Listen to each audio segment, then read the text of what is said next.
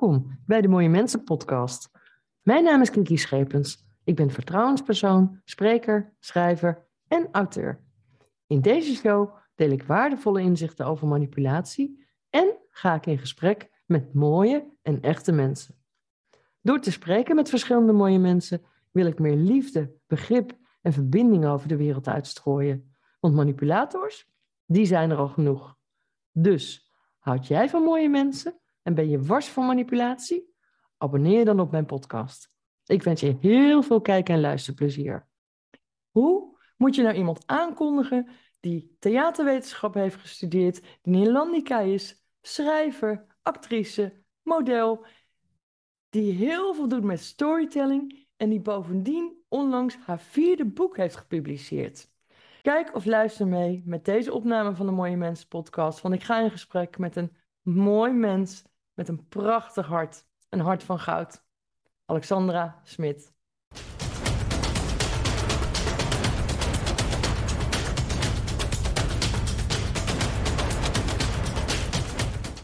Van harte welkom, Alexandra Smit in de Mooie Mensen podcast.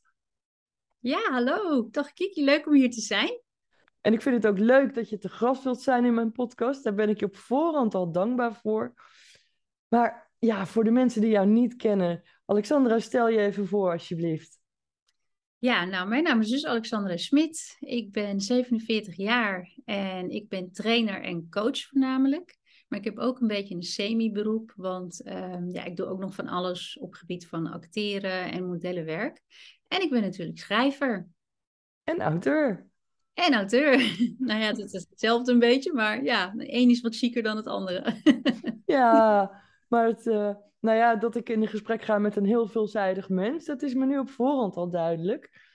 Uh, want je, je bent ook Nederlandica, je hebt theaterwetenschappen uh, gestudeerd. Klopt. Maar we gaan om te beginnen, stel ik voor, het eerst eens hebben over jouw meest recente boek. Leven, liefhebben en loslaten. Leven, liefhebben en loslaten.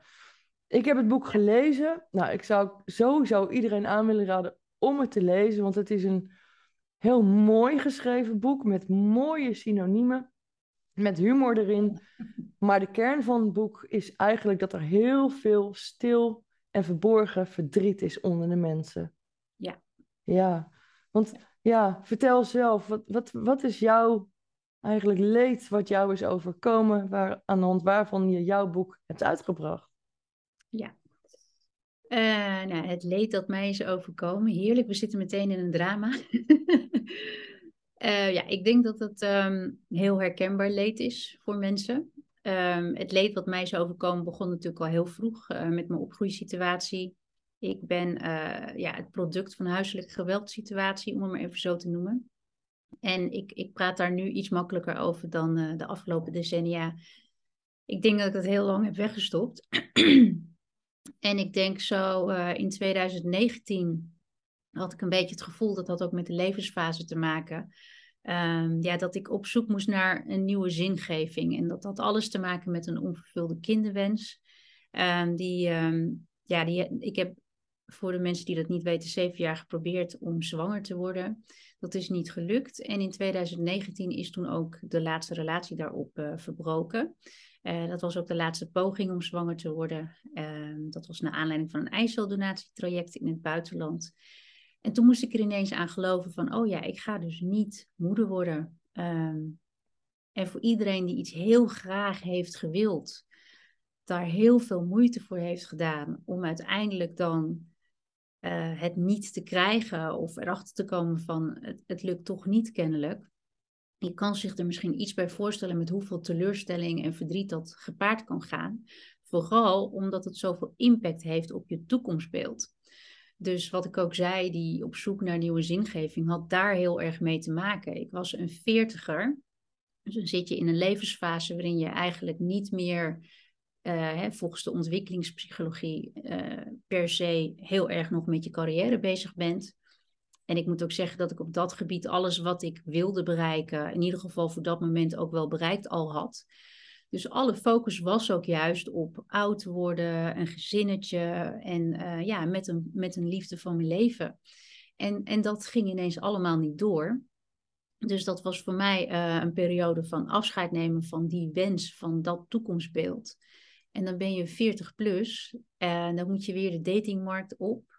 En dan ineens breekt die pandemie uit. Dus dat, dat was een periode waarin er ineens uh, op meerdere levels het grond onder mijn voeten uh, vandaan was geslagen. En ja, heel lang dat ook wel een beetje voor, me, uh, voor mezelf onderdrukt. Er niet zo heel veel over gepraat. Uh, bovendien waren er ook niet zo heel veel mensen om mee te praten, want we zaten in meerdere lockdowns. En een van mijn uitlaatklep was toch ook altijd wel lekker dansen en naar feestjes gaan. En dat kon natuurlijk ook niet. Dus toen heb ik het schrijven van het boek, wat um, eigenlijk een dagboek was, wat in 2019 ook begon. Um, heb ik naar een hoger level getild, ook als verwerkingsproces. En ik heb daarbij ook, ik ben ook uh, naar een, uh, psycholoog geweest, want ik uh, kreeg een milde depressie. Um, en ik, ik weet heus wel, ik ben me er zeer van bewust dat er altijd mensen zijn die nog meer geleden hebben, ook in coronatijd. en misschien juist daarom heb ik het niet heel veel naar buiten gebracht. Maar op enig moment dacht ik van ja, dat onvervulde kinderwens is stil leed. Uh, milde depressie is stil leed. Maar ik ben niet de enige die dat meemaakt. Misschien moet ik het gewoon eens openbaar maken, zodat mensen daar iets meer rekening mee kunnen houden. En dat was voor mij de laatste klap die ik gaf op toch maar wel het boek uitgeven. Alleen, ja, dat was pas drie maanden geleden. Dus toen kwam alles ineens in een stroomversnelling en uh, heb ik me ontzettend geuit op social media. En toen was het hek van Dam. Dus nou ja, en hier zitten we nu. ja, ja, maar ik, vind het bovenal heel dapper dat je het gedaan hebt. Hè? Want ja, je zei net ook, ik, ik, ik ben opgegroeid in ja, gezin uh, vol met huiselijk geweld. Um, ja. Heb je zelf ook in je, in je relaties te maken gehad met huiselijk geweld? Gelukkig niet. Nee. Gelukkig. Nee, nee. Gelukkig niet. Nee. Maar je omschrijft ook in je boek van alles in de maatschappij is eigenlijk gericht op het gezin, op het krijgen van kinderen. Klopt. Ja, dat is, uh, dat is mijn beleving. En daar was ik me eerst nog niet zo heel erg van bewust. Maar als je zelf kinderen probeert te krijgen, dan, dan word je daar natuurlijk steeds bewuster van. Ik wil alleen al als je kijkt naar schoolvakanties of uh, als je dan ergens werkt, dan gaat er zo'n vakantierooster langs. En dan zie je gewoon dat mensen met, uh, met kinderen, die gaan natuurlijk allemaal in dezelfde periode, want dat loopt gelijk met de schoolperiodes waarin uh, die vakanties hebben. Uh, en daar begint het al mee. Maar ook natuurlijk als je, zeker als je als single een vakantie wil boeken. Uh, ja, je wordt bijna gestraft voor het single zijn. Want je moet meer betalen als je in je eentje gaat. En ja, en alles is op stelletjes en gezinnen gericht. Dus dat is ook, dat is ook best confronterend op het moment dat jij single bent en het anders had gewild. En met name die laatste toevoeging. Hè? Want er zijn natuurlijk zat mensen die dat niet hoeven. Er zijn zat mensen die niet kinderen willen of helemaal gelukkig alleen zijn. Ik ben zelf iemand die heel goed alleen kan zijn. Alleen ik merkte met het leed wat ik had uh, doorgemaakt, dus over hè, dat verdriet over die, die onvervulde kinderwens, merkte ik dat alleen zijn me steeds zwaarder viel. En daar had ik vroeger nooit last van. Ja, maar ik kan me dat ook wel voorstellen. Hè? Als je zo definitief te horen krijgt dat je nooit zelf moeder zult worden, je belandt eigenlijk ja, gelijk in een, in een rouwproces. En wat jij omschrijft als een milde depressie. Maar je hebt echt wel heel veel voor je kiezen gehad. Ja, en uh, die milde depressie, dat was de officiële diagnose volgens de DSM. Uh, er stond ook nog eenmalig bij. Maar achteraf gezien klopt het denk ik niet helemaal. Want ik heb wel vaker neerslachtige periodes uh, gehad in mijn leven. Um, bijvoorbeeld uh, in mijn tienerjaren. Hè, dat was natuurlijk had alles te maken met mijn huiselijke situatie. Hm. Eh, was ik heel somber. En toen ik net uit huis was, op mijn negentiende, toen uh, had ik ook nog wel een paar jaar dat ik me niet super happy voelde. Alleen, ik was toen natuurlijk wel bevrijd, want ik woonde alleen. Uh, of tenminste, ik woonde samen toen met mijn toenmalige vriend. En ik mocht ineens alles doen wat ik wilde, wat voorheen niet kon. Dus dat was het fijne aspect eraan. Maar ik weet nog heel goed dat toen ik 21 was, dat ik me ineens besefte... Misschien is het niet normaal dat ik me ja, misschien één dag in de week normaal voel en de rest van de dagen neerslachtig voel. Dus, en normaal is niet eens goed, hè? Eh, en de grap is dat de meeste mensen dat niet echt doorhebben, omdat mijn karakter heel erg um, uh, positief in principe is. Ik ben een geboren optimist. Uh, ik lach heel veel. Dat is ook een beetje, denk ik, de Indonesische genen. Dus mensen die kennen mij en die, die vinden mij gewoon een warme persoonlijkheid. Ook niet altijd trouwens, want als ik je niet ken, dan hou ik me een beetje op de achtergrond. Dus dan komt een beetje meer introverte kant naar boven. Maar ja, als je me wel kent, dan ben ik die extravert die de humor wel heeft. maar dat wil niet zeggen, hoe, niet zeggen over je binnenwereld natuurlijk, hoe je je nee. voelt thuis bent. Dus niet iedereen had dat door. Dus ja, die milde depressie eenmalig. Ik denk dat ik het wel meerdere keren in mijn leven heb ervaren. En misschien dat ik ook daardoor wist van dat gaat ook wel weer voorbij. Maar het is juist zwaarder als het dan nog een keer komt. Want dan vraag je je ook af, gaat er ook weer een keer een, een periode komen in mijn leven dat het gewoon wegblijft. Dus ja. Ehm, ja. Nou ja, wat ik, wat ik ook las in je boek, dat iemand jou ooit eens heeft verteld dat je een hoogbegaafd EQ hebt. Ja. En ik moest daar ook wel een beetje om lachen, want in zo'n hoeverre ik jou ken, kom je op mij over als een heel erg giving person. Hoogsensitief, iemand die heel veel geeft van zichzelf aan anderen. Ja, dus ik kan me voorstellen dat het leven dan ook af en toe echt met pieken en dalen gaat. Ja, dat is ook zo. En uh, ik denk ook een van de lessen die ik leerde tijdens het schrijven was ook oh ja, ik dacht dat het leven, hè, dan ik, ik moet even kijken in beeld hoe dat gaat, maar de meeste mensen denken dat het leven in de stijgende lijn omhoog gaat. Op de een of andere manier, totdat je dan misschien fysiek weer uh, ja, minder kan. Uh, denk je altijd van, nou ja, het wordt natuurlijk alleen maar beter, want ik ga meer verdienen, ik ga hogere functies misschien bekleden als je hè, hecht aan een carrière, ik krijg uh, de liefde van mijn leven natuurlijk op mijn pad en natuurlijk krijg ik kinderen, dus alles wordt beter. Nou, en dan komt de realiteit om de hoek kijken, want ook als je dan die kinderen krijgt, is het natuurlijk helemaal niet uh, roze geur en maneschijn alleen al. Dat weet ik inmiddels natuurlijk ook van mijn vriendinnen die kinderen hebben gekregen. Maar wat de waarheid is, is dat het leven gewoon, en dat blijft zo, in golfbewegingen gaat. En soms heb je de pech dat het heel lang tegen zit. En soms heb je geluk dat het heel lang mee zit. Maar het is geen garantie en het is ook maar deels beïnvloedbaar. Nou, voor het deel dat je dat kan beïnvloeden, heb ik mijn best gedaan, zoals je weet. Want je hebt mijn boek gelezen. Zeker. Um, ja, ik ben wat dat betreft um, heel slecht in dingen accepteren. Maakt je ook wel een heel daadkrachtig mens. Dus dat is het voordeel ervan. Dus ik zal altijd met die lijstjes op de proppen komen van wat je kan doen om je beter te voelen. Maar ik weet ook wel dat de valkuil daarbij is, is dat je dus eigenlijk niet in acceptatie gaat en eigenlijk niet even stilstaat en doorvoelt wat er ook is. En dat is die rouw en dat verdriet. En dat mag gewoon de ruimte krijgen. En als je dat weg blijft duwen, ja, dan komt het een keer gewoon keihard naar boven. En dat is denk ik bij mij gebeurd. Dat is ook wat jij zo mooi in jouw boek hebt beschreven, hè? dat je verdriet ook echt moet doorleven om verder te kunnen. Ja. En dat eh, heb je niet alleen heel mooi verwoord, maar soms ook uh, ontzettend grappig, vind ik. Ja. wat, wat je er straks zei over die imperfectie.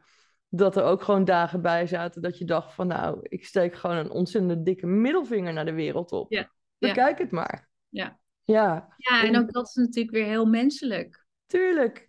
Je, bent geen robot en uh, ja, en die wil ik ook niet zijn trouwens. Dus, uh, maar ik kwam er ook op een gegeven moment achter dat heel veel mensen hebben een bepaald beeld van mij. Uh, alsof ik. Uh, dat heeft vast te maken met hè, wat jij ook al zei, dat ik iemand ben die heel graag. Ik ben best wel zorgzaam, ik geef heel veel, ik ben altijd vrolijk en positief.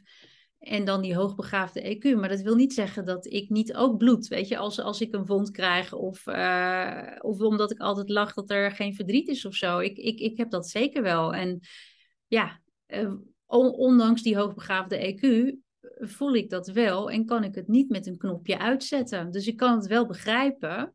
En in die zin helpt het misschien, maar ik kan er niet een knopje uitzetten. Ik moet net als iedereen door dat heel proces heen. En dat is voor iedereen, is dat, uh, inclusief ikzelf, is dat gewoon. Dat daar is ook geen, um, hoe noem je dat? Um, het is niet zo van ook zet een wekker 30 minuten en dan is het voorbij. Het duurt gewoon zo lang als het duurt. En natuurlijk kan het langer duren als je niet meewerkt. Zoals ik zeg maar de hele tijd denk, en door. Nee, we gaan nu dit en dat doen. Ja, dan duurt het toch iets langer. wil. En uiteindelijk kom je ook jezelf tegen, hè? Ja, klopt. Ja, maar jij bent jezelf wel ontzettend hard tegengekomen. Door helemaal in je eentje. Nou ja, goed, je ging op een gegeven moment naar een psycholoog.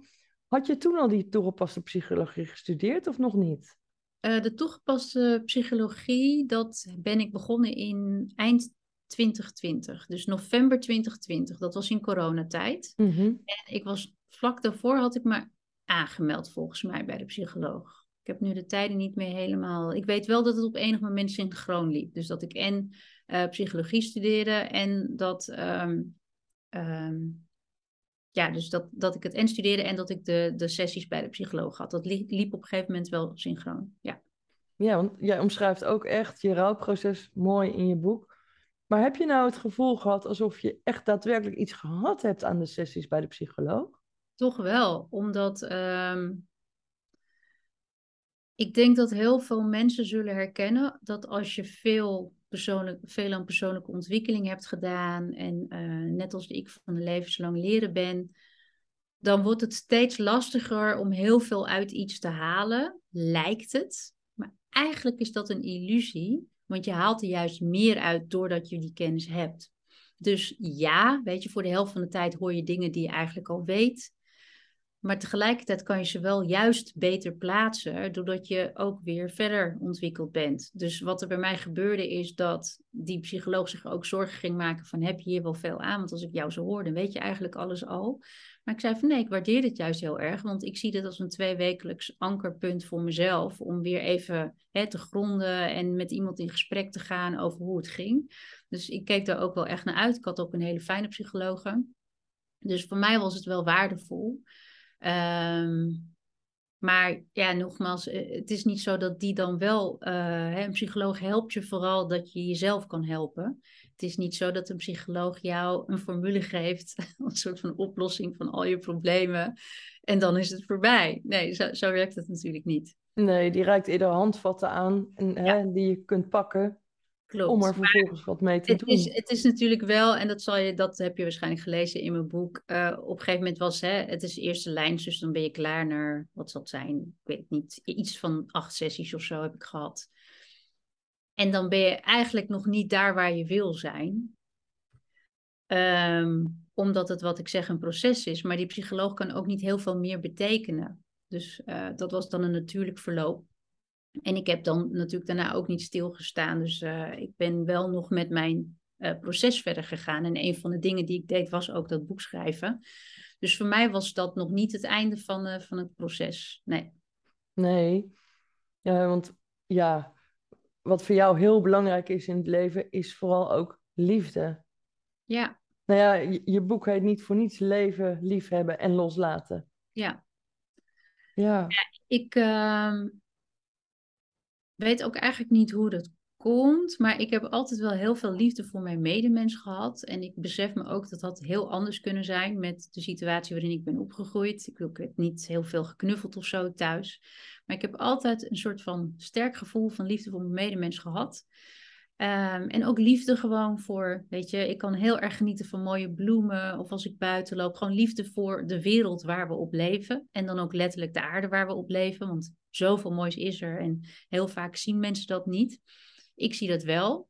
En daar haal ik heel veel eh, energie uit eh, en inspiratie uit. Ik kan echt oprecht genieten van een wandeling op straat. Ik probeer dan ook echt de omgeving in me op te nemen. Uh, niks mooiers dan een dag op het strand of een wandeling in het bos of in de hei. Ik vind het heerlijk om, om me echt te laven aan de natuur en me ook dan weer onderdeel daarvan te voelen. En dat is voor mij ook liefde ervaren. Dus liefde voor mijn medemens, liefde voor de aarde waar we op wonen. Daar heb ik heel veel liefde voor. En dat heeft me denk ik ook wel geholpen. Uh, en ik ben ervan overtuigd dat we allemaal op de een of andere manier verbonden zijn in een liefdesenergie. nou dat is heel mooi dat je dat zegt. Maar ja, de maatschappij is, vind ik, op dit moment zo verstoord. En ja. juist als je de natuur intrekt, dan zie je zoveel moois. Ja. Ja, ja ik zou willen dat iedereen daar meer oog voor had. Ik zou dat ook zo graag willen, Kiki. Maar ik, ja. ik me dan, en dat is dan die eeuwige optimist die dan uh, toch altijd weer opstaat. Ik denk dat um, er steeds meer mensen zijn die dat beseffen. En uh, het, het is een hele rumoerige tijd, of een hele uh, zorgwekkende tijd, misschien ergens ook wel. Maar ja, wat ik geleerd heb van tien dagen Vipassana, wat ik gedaan heb, um, is dat alles verandert.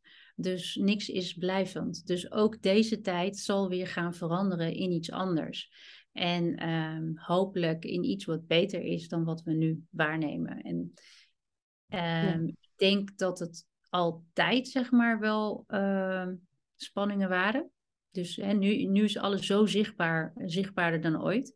Maar ik denk dat er altijd al dingen scheef zaten en dat dat nu juist, juist met die pandemie een beetje naar buiten is gekomen. Dus het is ook een uitnodiging van het universum om even te kijken naar waar staan we nu, wat willen we eigenlijk? Dit is waar we vandaan komen, wat dient ons niet meer? En laten we dat anders gaan doen. En nou ja, ik ben geen wereldleider, ik ben geen politicus, dus ik kan dat alleen maar kleinschalig bepalen voor mezelf in mijn eigen leven en voor de mensen om me heen. En uh, ik denk dat we, dat, uh, dat we daar ook onze kracht uit kunnen halen. En je wordt bijna wanhopig als je naar buiten gericht bent en je kijkt naar wat er allemaal gebeurt op politiek niveau, op mondiaal niveau. Dan kan je wanhopig worden en ellendig worden. Maar ik zou iedereen willen uitnodigen om daarmee te stoppen uh, en het uit jezelf te halen. Want dat is dat stukje waar je dan invloed op kan hebben.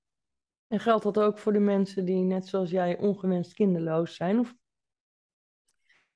Ergens wel natuurlijk. Kijk, ik, uh, ben me er heel erg van bewust dat iedereen anders is. Dus iedereen beleeft zijn verdriet ook op zijn eigen manier. Um, ook met de kinderwens gaat iedereen weer op zijn eigen manier om. Um, hoe ik ermee om ben gegaan, dus ik ben letterlijk op zoek gegaan natuurlijk naar uh, nieuwe zingeving. Van wat kan er wel? Nou, toen kwam ik erop uit van, nou ja, ik ben misschien geen moeder geworden, maar ik ben wel moeder van vier boeken en een kat. dat is ook een manier om het leven door te geven. Hè? Mm Ik geef dan mijn levenservaring door en mijn levenswijsheid door. En voor de mensen die, um, ja, net als ik, heel verdrietig uh, dealen met die uh, kinderwens. Ik wil ze uitnodigen om ook voor zichzelf te bepalen wanneer is het genoeg uh, als het gaat om proberen zwanger te worden. Dus hoe ver wil je daarin gaan? Want achteraf gezien had ik misschien toch maar niet uh, dat tripje naar het buitenland gemaakt. En ik had zeker niet een vierde IVF-traject in Nederland willen doen, omdat ik ergens ook wel wist, die, dat vierde traject gaat niks toevoegen ten opzichte van die eerdere drie. Want in Nederland doen ze maar gewoon uh, beperkt dingen. Ja. Dat, dat heeft vaak ook alles te maken met geld, hè? Dat vind ik zo erg. Ja, dat is uh, wat de zorgverzekeraar wel of niet wil vergoeden, is ook een beetje het aanbod wat je terugziet natuurlijk uh, vaak in het ziekenhuis en in het medische sector in Nederland. Als het niet is, dan, uh, wordt, dan gaan minder mensen daar gebruik van maken. dus is het niet interessant om dat aan te bieden. Nee. Nou ja, is jouw wens, ik vind het heel erg voor je ook hoor, die is helaas niet in vervulling gegaan, ondanks dat je naar het buitenland bent gegaan. Zou je mensen aan willen raden om, als het bij hen niet lukt, om naar het buitenland te gaan of om eerder naar het buitenland te gaan op basis van jouw eigen ervaring? Ja, ik zou eh, de mensen willen aanraden om in het begin van uh, zo'n proces, hè, van zwanger willen worden, al voor zichzelf te gaan bepalen wat wil ik wel en wat wil ik niet. Want ik had heel veel dingen die ik nu weet, had ik eerder willen weten als je van tevoren in kaart brengt van wat er überhaupt allemaal mogelijk is op dat gebied, en even voor jezelf kan voelen aan het begin van wat wil ik wel, wat wil ik niet, dan ga je er al heel anders in, want dan kan je ook je grenzen een beetje van tevoren bepalen. En ik zou ze ook willen uitnodigen van, zet er ook maar een tijdsklok op. Weet je, ik ben zeven jaar van mijn leven, nou ja, het is dramatisch om te zeggen dat ik ze kwijt ben, dat is niet helemaal waar. Maar het werd wel beheerst door de kinderwens. Hè? Dus ik ben heel veel dingen gaan laten heb echt letterlijk minder maximaal geleefd in die zeven jaar dat ik probeerde zwanger te worden. Zo graag wilde ik het. Ja. Nou, dat, ik zou mensen gunnen dat ze dat niet hoeven doen. Dus dat ze ja, toch een beetje ook die levensplezier erin willen houden. En goed in gesprek blijven, ook met je partner. Van wat wil die? En dan samen tot iets komen van dit gaan we proberen en dat niet. En misschien inderdaad ook eerder naar het buitenland gaan. Omdat je in, weet in Nederland wel wat je kan krijgen. Dat is een beperkt aanbod. Wat heel goed kan werken dus sommige mensen hebben er baat bij. Maar op het moment dat bijvoorbeeld één IVF-traject al mislukt, en voor de mensen die dat niet weten, één traject is natuurlijk meerdere terugplaatsingen. ze vergaren de eitjes, die worden samengebracht met het beste zaad. Dan komen embryo's uit. De beste embryo's die worden ingevroren.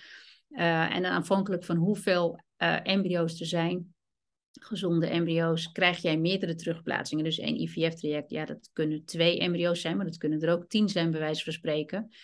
Um, en dan is nog de vraag, ga je er één of twee tegelijk terugplaatsen? Dus, maar in ieder geval één traject beslaat al meerdere terugplaatsingen. En het is best wel al veelzeggend achteraf gezien als één traject niet geslaagd is. Dat zegt al wel iets over ehm, dat er kennelijk gewoon niet makkelijk gaat. Dus dat zou al een signaal kunnen zijn om misschien toch al meteen even te kijken naar wat is er mogelijk in het buitenland aan onderzoek. Mm en wat wil ik daar zelf in? En ja, het is wel, het is niet niks, dus onderschat het ook niet. Ehm, ik kan me ook heel goed voorstellen dat je denkt van nee, ik houd bij IUI. En IUI, voor de mensen die dat niet weten, is het zaad wordt in jouw baarmoeder gebracht, zodat het niet zo hard hoeft te rollen. dus dat het al dichtbij is wanneer jij de ijsprong hebt. Uh, dat kan voor sommige mensen ook een, een, een, oplossing zijn. En ja, dan heb je niet dat hele gebeuren met hormoonspuiten en zo, uh, wat je natuurlijk met IVF wel hebt. En dat is best een aanslag op je, op je leven en ook op je werkende leven. Nou, behoorlijk. Maar wat jij omschrijft ook in je boek, hè, je leeft eigenlijk die zeven jaren tussen hoop, spanning, vrees. De emoties vliegen alle kanten op. Ja. En als het dan uiteindelijk niet lukt, ja, dat is gewoon bijzonder pijnlijk en ook confronterend. Ja. En, maar hoe gaat het nu met je? Het gaat nu op dit moment goed. Ja, we zitten weer in die beweging omhoog. Dus die golfjes waar ik het over heb. Um, ja, ik hoop dat dat zo blijft. Uh, het is ook campagnetijd voor het boek. Dus uh, er zijn al wat interviews geweest. Jij hebt mij uitgenodigd voor een interview. Dus dat is ook uh, iets waar ik dankbaar voor ben. En ik merk ook dat dat veel gesprekstof losmaakt. Dus er zijn veel mensen die mij benaderen. ook met vragen over de trajecten die ik heb doorlopen. Maar ook gewoon, joh, ik herken me in jouw verhaal. En dat zijn mensen met en zonder kinderen. Die herkennen zich dan in die universele thema's die erin voorkomen. Dus ik mhm. vind het fijn dat het nu al wat teweeg brengt. En uh, ja, daar, daar heb ik het uiteindelijk natuurlijk ook voor gedaan.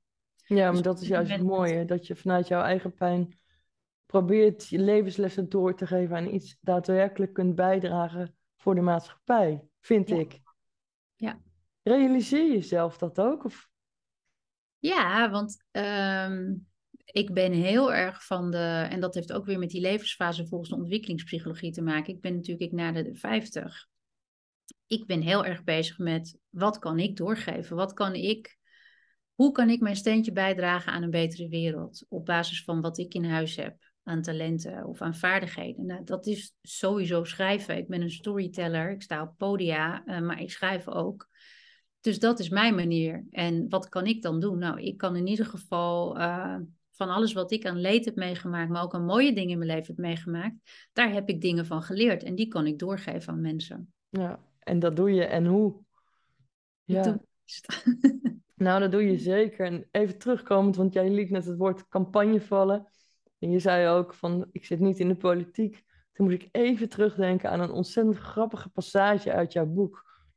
Dat je op een gegeven moment bent gaan stemmen op een politieke partij. En dat je de dag erop vernam dat dat uh, de VVD de verkiezingen had gewonnen. En dat je zoiets had van, oh nee, ik wil niet weer Mark Rutte als president. Daar moest ik zo om lachen.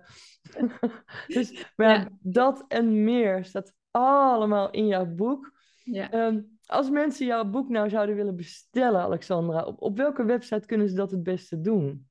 Nou, dat kunnen ze doen op www.alexandersmitproducts.nl. Uh, dan verdien ik er ook het meeste op, want dat weten mensen helemaal niet. Maar uh, ja, bol.com pakt natuurlijk best een flinke marge. Dat is ook prima, want zij zorgen er ook voor dat het op grote schaal te vinden is. Uh, maar daar verdien ik er wel minder op. Dus het liefste bij mij op mijn eigen website, op mijn boekenwebsite. Daar staan ook de andere boeken op, www.alexandersmitproducts.nl. Maar het kan ook bij bol.com worden besteld. Ja, maar ik ga hem toch nog even herhalen. Als je het boek van Alexandra Leven, Liefhebben en Loslaten wilt bestellen, dan kan dat via alexandrasmithproducts.nl. Yes. Yes.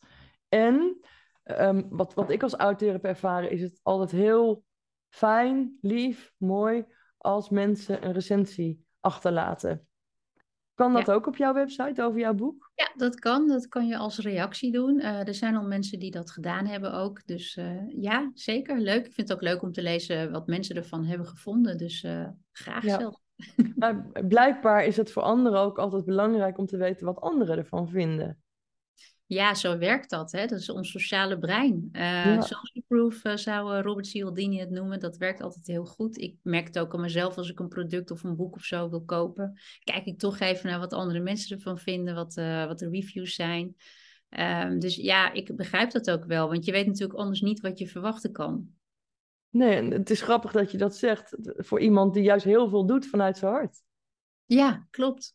Ja. Ehm, maar ik denk dat dat het ook juist is, hè? want eh, ik zeg altijd storytelling, dus gewoon het uitwisselen van verhalen, eh, heeft heel erg met je hart te maken. Hè? Iets doet je wat of niet. En Ja. dat vind je natuurlijk in je reviews ook terug. Tenminste, ik voel dat wel. Ik Mhm. voel wel of iemands hart erin zit of niet. En is dat ook iets dat je toepast in je coachingstrajecten die je geeft? Ja, ik bied eh, sinds kort coachingtrajecten ook via een nieuw handelsmerk aan. Dus ik had Fabel. Dat heeft alles te maken met storytelling en schrijven en, eh, en mensen begeleiden met verhalen en met presenteren. En nu heb ik een nieuw product ontwikkeld, ook in coronatijd. En dat heet Heartrise. Uh, Hardrise? Heart.nl. Ja, het gaat Ja. over de... Ja, ik wil eigenlijk... De missie van Heartrise is dat mensen gaan eh, spreken, werken en leven vanuit hun hart. Dus eh, de Heartrise wil ook zeggen the rise of the heart. dus eh, de onder, ondertiteling is ook Moving Hearts. Ik wil dat mensen gewoon wat meer hun hart laten spreken. Dus dat is mijn missie met Heartrise. En de eerste eh, wat ik daarop aanbied is spreken vanuit je hart. Want dat vind ik nog wel heel erg belangrijk. En daarin komt ook alles samen. Want wat het vereist om te spreken vanuit je hart, is ook wel eh, een zelfonderzoek. Uh, een stuk is ook contact maken met je hart. Uh, kijken wat je belangrijk vindt als mens. Wat is nou eigenlijk jouw kern? En van daaruit die verhalen gaan vertellen. Dus dat is de eerste dienst die ik daarmee aanbied. En, en doe je dat dan alleen voor professionele sprekers of mensen die spreker willen worden? Voor iedereen. Voor iedereen. Ja, voor iedereen die zich daarin wil verdiepen. Voor iedereen die daar een spark bij voelt van hé, hey, dit moet ik gaan doen. Iedereen is welkom. Ik wil het de eerste keer gaan organiseren in een theater. En ik ben eigenlijk nu uh, aan het kijken voor een geschikte datum. En een uh, nou, locatie heb ik waarschijnlijk al. Dus uh, ja, het wordt wel kleinschalig. eh, maar wel een beetje dat gevoel van ik doe dat vanuit een theatersetting. Ja. En wat is dan kleinschalig voor jou? Nou, dat er niet honderd mensen in de zaal gaan zitten. Maar dat je dan bijvoorbeeld een groep van maximaal ik denk maximaal 12 man. Omdat ja. uh, je wil ook nog de, de intimiteit ervaren. En je wil ook nog um, ja, iedereen iets laten performen. Dus, hè, dus dan is een training van één of twee dagen. Dan is 12 man wel de max wat je daarin uh, kan doen. En misschien zelfs maar acht. Mooi. En even terugkomend op wat jij zei over daadwerkelijk contact maken vanuit je hart. Ja. Want heel veel mensen ja, zijn daar niet toe in staat of nog niet toe in staat. Kan je daar wat meer over vertellen? Over hoe dat komt en wat je eraan, hoe je dat kunt doen? Ja, nou hoe het komt dat mensen het niet kunnen, heeft heel erg te maken met uh, twee dingen. Um, hoe ben je gewired in je hoofd? Hè? Dus hoe kom je ter aarde, of ja, hoe kom je in de wereld? Um, sommige mensen die uh, die zijn gewoon wat meer rationeel dan anderen. Uh, die zijn, uh, en dat is ook een kwaliteit, die zijn gewoon, die hebben een ontzettend goed analytisch vermogen.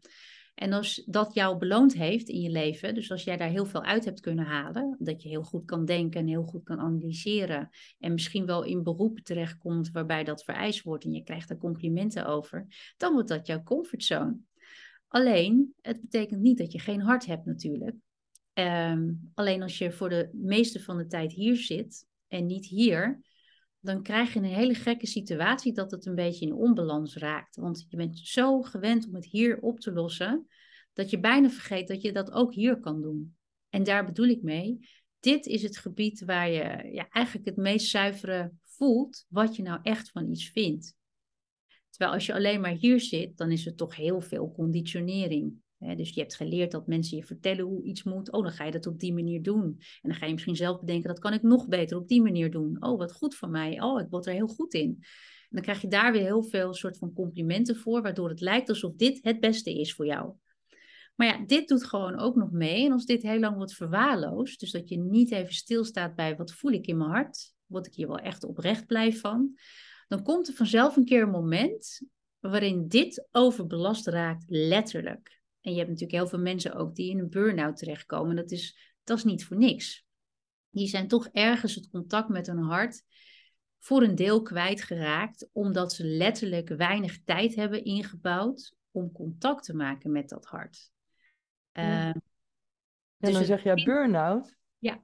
Maar ik vind dat altijd zo'n heel breed begrip. En ik vraag me dan wel eens af, is het daadwerkelijk een burn-out? Ja. Of zit er veel meer achter? Ik, ik twijfel altijd een beetje aan de term burn-out. Het wordt zo makkelijk weggegeven. Ja, nou kijk, het, het probleem met labels is eh, aan de ene kant beperkt het zo eh, de uitleg van wat het dan is. En aan de andere kant, het wordt makkelijker om ergens over te praten. Ehm, ik zeg burn-out, laat ik het anders zeggen. Als, het, ehm, als je op wat voor manier dan ook overbelast raakt, doordat je weinig ruimte hebt voor jezelf, waar je hart ook bij hoort. Dus mensen die 70 uur per week werken, of mensen die maar 40 uur werken, maar daarnaast nog een heel gezin te runnen hebben. Weet je, dat er komt zoveel bij kijken dat je gewoon weinig tijd voor jezelf hebt. Mhm. Is het niet gek dat op een gegeven moment eh, je systeem overbelast raakt? Want de balans is zoek, letterlijk. De balans is zoek. Dus er moet een soort van balans komen tussen, ja, ik ben bezig met werk en ratio ontwikkelen en dat is allemaal mooi en aardig. Maar daarnaast moet ik ook nog mijn lijf blijven voelen. Moet ik ook nog mijn hart kunnen voelen van tijd hebben om me af te vragen van, klopt nog wat ik überhaupt aan het doen ben? Want wat voor mij twintig jaar geleden klopte, wil niet zeggen dat het nu twintig jaar later ook nog klopt. Ik ben ook een mens in ontwikkeling geweest. Dus je moet reflectietijd inbouwen voor jezelf. En ondernemers doen dat vaak heel mooi aan het einde van het jaar. Van wat voor ondernemersjaar heb ik gehad? Maar dat geldt natuurlijk ook voor jou als persoon, als mens. Van waar kom ik dan vandaan als mens? En wat wil ik nog meer los van werk bereiken? En waar word ik blij van? Waar word ik op dit moment nu blij van? Ja, ja en dat, nou ja, ik zou zeggen tegen iedereen die dit luistert of, of bekijkt, neem ook even een kijkje op jouw website highdrise.nl. Ja. Eh, want ik vind dat je daar gewoon ook met de juiste motieven aan begonnen bent. Ja, nou ja, ik moest wel. Dat was, dat was mijn reflectiemoment. Hè? Dus ik dacht van, wat wil ik nou eigenlijk? Toen dacht ik, ja, ik wil minder trainingen gaan geven in het zakelijke circuit. Dat ging heel erg over communicatievaardigheden aanleren. En ik wil iets meer die binnenkant eh, van de mens erbij betrekken. En toen wist ik van dan moet ik ook een nieuw handelsmerk oprichten, wat daar helemaal bij hoort. En dan kan ik zelf daar naartoe bewegen. Nou, dat is dus Hardrise geworden. Ja, ja. Dat. ja. Je doet het toch maar. Ik doe het maar, ja. Ja, ik vind dat knap. En nou ja, uh, waar we het even in het voorgesprek ook al een klein beetje over hadden, hè? Er komt ook in jouw boek voor familieopstellingen. Ja, ja, wat wil je daarover vertellen, Alexandra? Uh, nou, ik ben dus nu ook een opleiding familieopstellingen aan het doen. Uh, dat komt, ik heb een paar keer in mijn leven dat gedaan en ik was heel erg geboeid door de, nou ja, bijna de magie van wat er gebeurt. En voor mensen die het niet kennen, Um, een familieopstelling is letterlijk het opstellen van, nou ja, je begint vaak met je vader en je moeder. Dus je gezin van herkomst. Dus of je nou een broer en een zus erbij had, die kunnen ook opgesteld worden. Maar die worden gerepresenteerd, dus die rollen worden verdeeld. Het lijkt in die zin een klein beetje op theater. Door mensen die deelnemen aan zo'n familieopstelling. Hè? Dus je hebt een cirkel van mensen, die hebben zich allemaal opgegeven. En die representeren die rollen. Dus dan heb je de moeder, die kies je zelf uit meestal als opsteller. Kan ook dat uh, degene die het begeleidt dat doet. Ehm, en je kiest misschien wat andere familie uit. En die gaan dan hun impulsen volgen. En op de een of andere manier, en dat is de magie, klopt wat zij doen met hoe jij je ouders kent en hoe de dynamiek tussen jou en je ouders is. En geeft jou weer nieuwe inzichten over ehm, wat dat met jou gedaan heeft en in hoeverre dat nog een blokkade voor jezelf vormt. En dat is het mooie aan familieopstellingen. Dus het geeft inzicht in jouw familiesysteem, jouw, uh, jouw rol daarin en, en wat dat met jou gedaan heeft en waar je misschien ook afscheid van wil nemen. Dus dat is, uh, dat is de magie van familieopstellingen. En de grap is, het klinkt, uh, en misschien is het ook in die zin een klein beetje zweverig, want je kan niet je vinger erop leggen waarom het werkt, maar het werkt wel. En het is nu gewoon een, uh, best wel een bekende coachingmethode geworden, die ook in bedrijfsleven wordt toegepast. Want je hebt ook organisatieopstellingen en je kan teams opstellen. Ja, het, het, heeft, het, het maakt iets zichtbaar waar je over kan praten. En op het moment dat iets zichtbaar is, kan je het ook oplossen. En dat probeer je ook tijdens die opstelling, probeer je dat al een beetje te doen. En dan heeft het nog een bepaalde nawerking natuurlijk, want uh, ze, ze, zeggen in het Engels wel eens heel mooi, what is seen cannot be unseen. Ja, dat klopt natuurlijk. Het gaat ergens rondzingen in je achterhoofd wat eruit is gekomen. En dat beïnvloedt jouw gedrag, waardoor er ook dingen veranderen. Want je kan vaak niet de mensen om je heen veranderen, maar je kan wel zelf iets veranderen. En dan gaan de mensen om je heen ook anders zich gedragen. Ja, maar ze zeggen ook wel eens in het Engels, what doesn't kill you makes you stronger. Dat zeggen ze ook, ja. Ja, en dat is zeker, vind ik, op jou van toepassing. Ja. Maar als ik nou, als, of ik of andere vertrouwenspersonen, ehm, iemand op gesprek krijgen die echt vastloopt, zou ik ze dan ook door kunnen verwijzen naar Heartwise, naar jou? Ja, zeker. En dat is heel erg afhankelijk van wat ze willen. Kijk, als ze vastlopen omdat ze inderdaad het contact met hun diepere zelf kwijt zijn geraakt, ja, dan help ik ze om dat weer te herstellen. En ehm, dat doe ik in eerste instantie door het gesprek aan te gaan. En daarbij heb ik natuurlijk, uh, ik heb natuurlijk zelf ook het een en ander aan cursussen gevolgd en opleidingen gedaan. Dus dat neem ik ook mee als, uh, als extra tools waar ik gebruik van zou kunnen maken. Maar ik geloof niet in uh, one method fits all. Dus het is echt een beetje wie heb ik voor me en wat past er bij deze persoon. En daar gaan we naar op zoek. Maar ik heb niet een soort van, we doen het altijd op deze manier. Nee.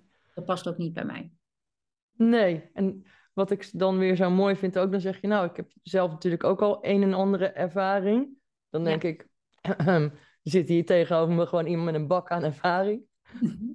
Dat, is, dat typeert jou ook gewoon die bescheidenheid. Terwijl, ja, je hebt al zoveel mooie dingen gedaan in je leven, maar je bent nog lang niet klaar.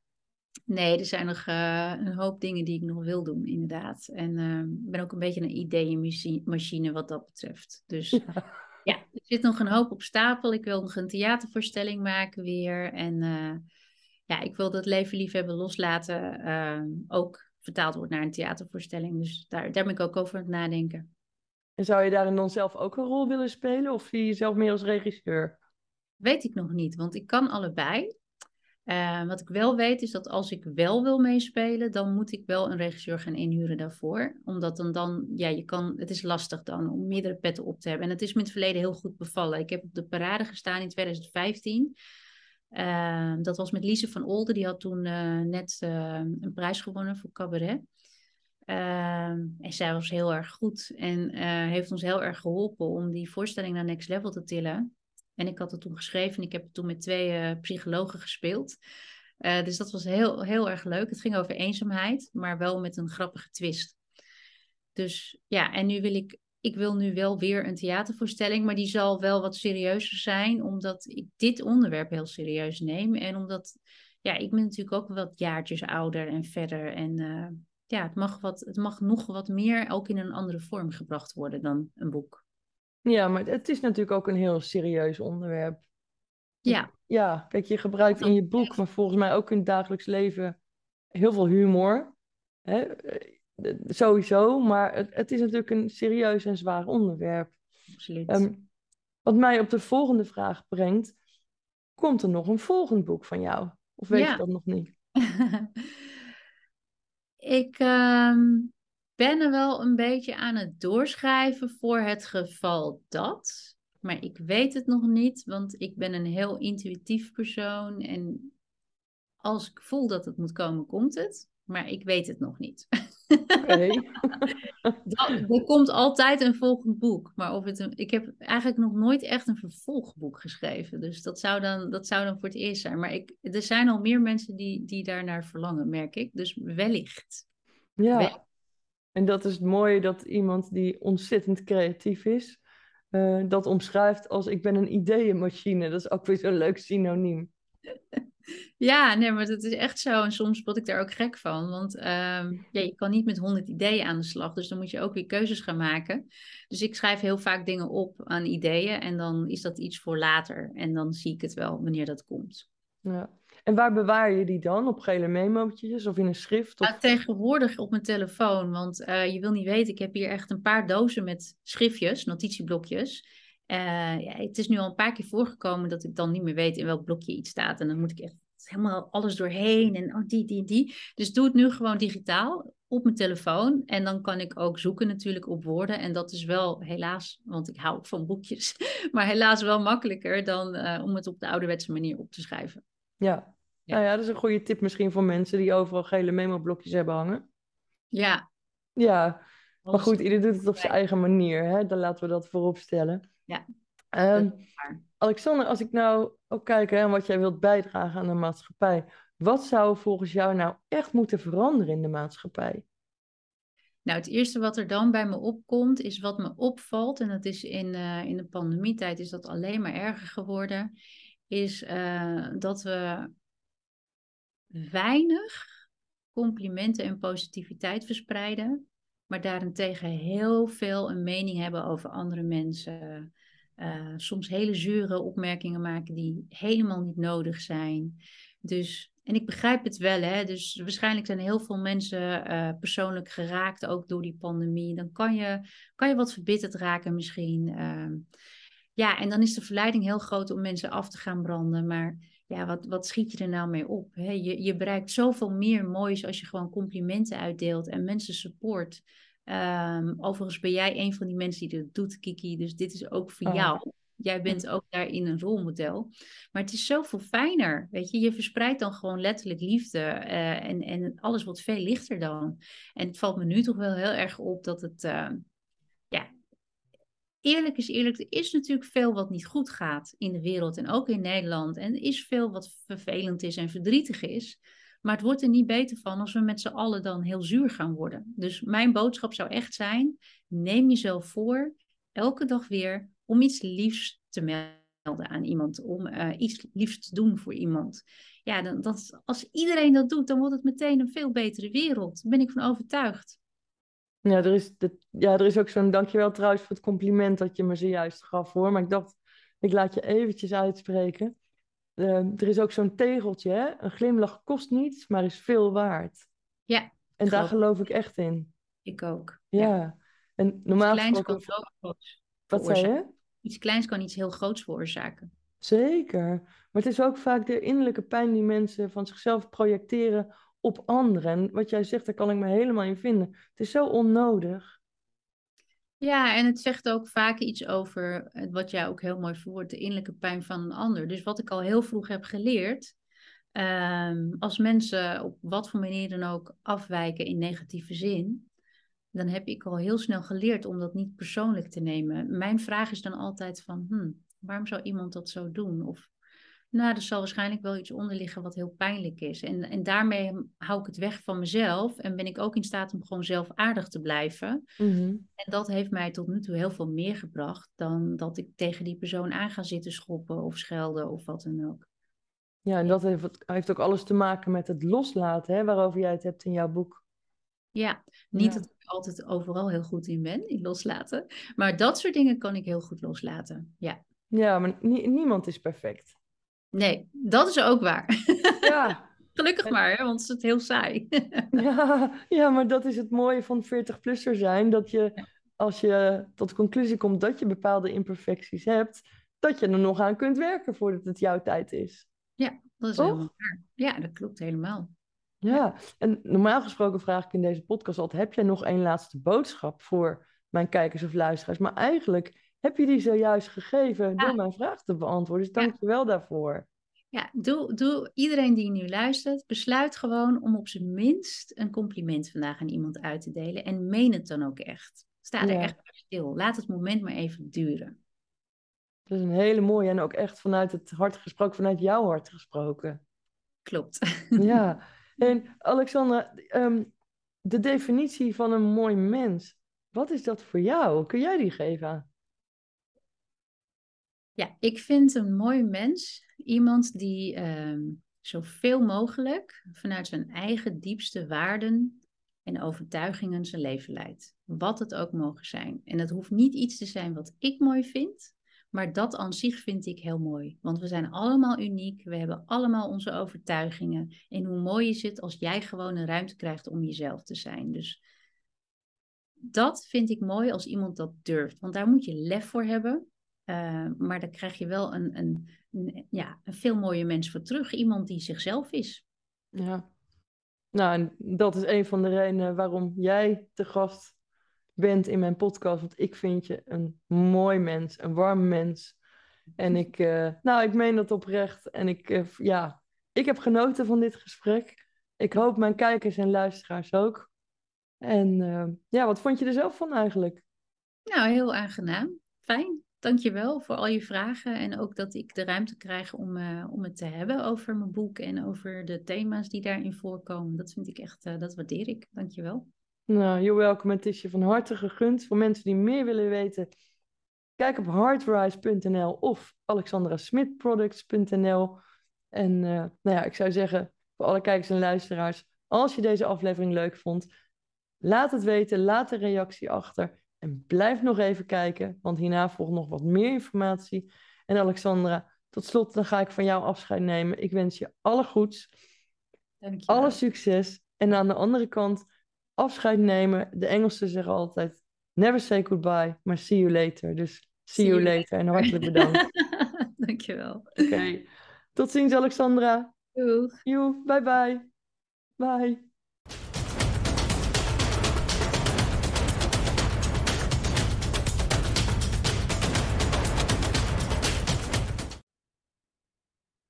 Zo, dit was weer een nieuwe aflevering van de Mooie Mensen podcast. Maar er zijn helemaal geen behind the scenes, want alles ging gewoon goed met het gesprek met Alexandra Smit. Dus laat even je reactie achter, laat even weten wat je ervan vindt. Duimpje omhoog, abonneer je op mijn podcast en dan weet jij het als eerste wanneer weer een nieuwe aflevering online komt. Dankjewel en graag tot de volgende keer.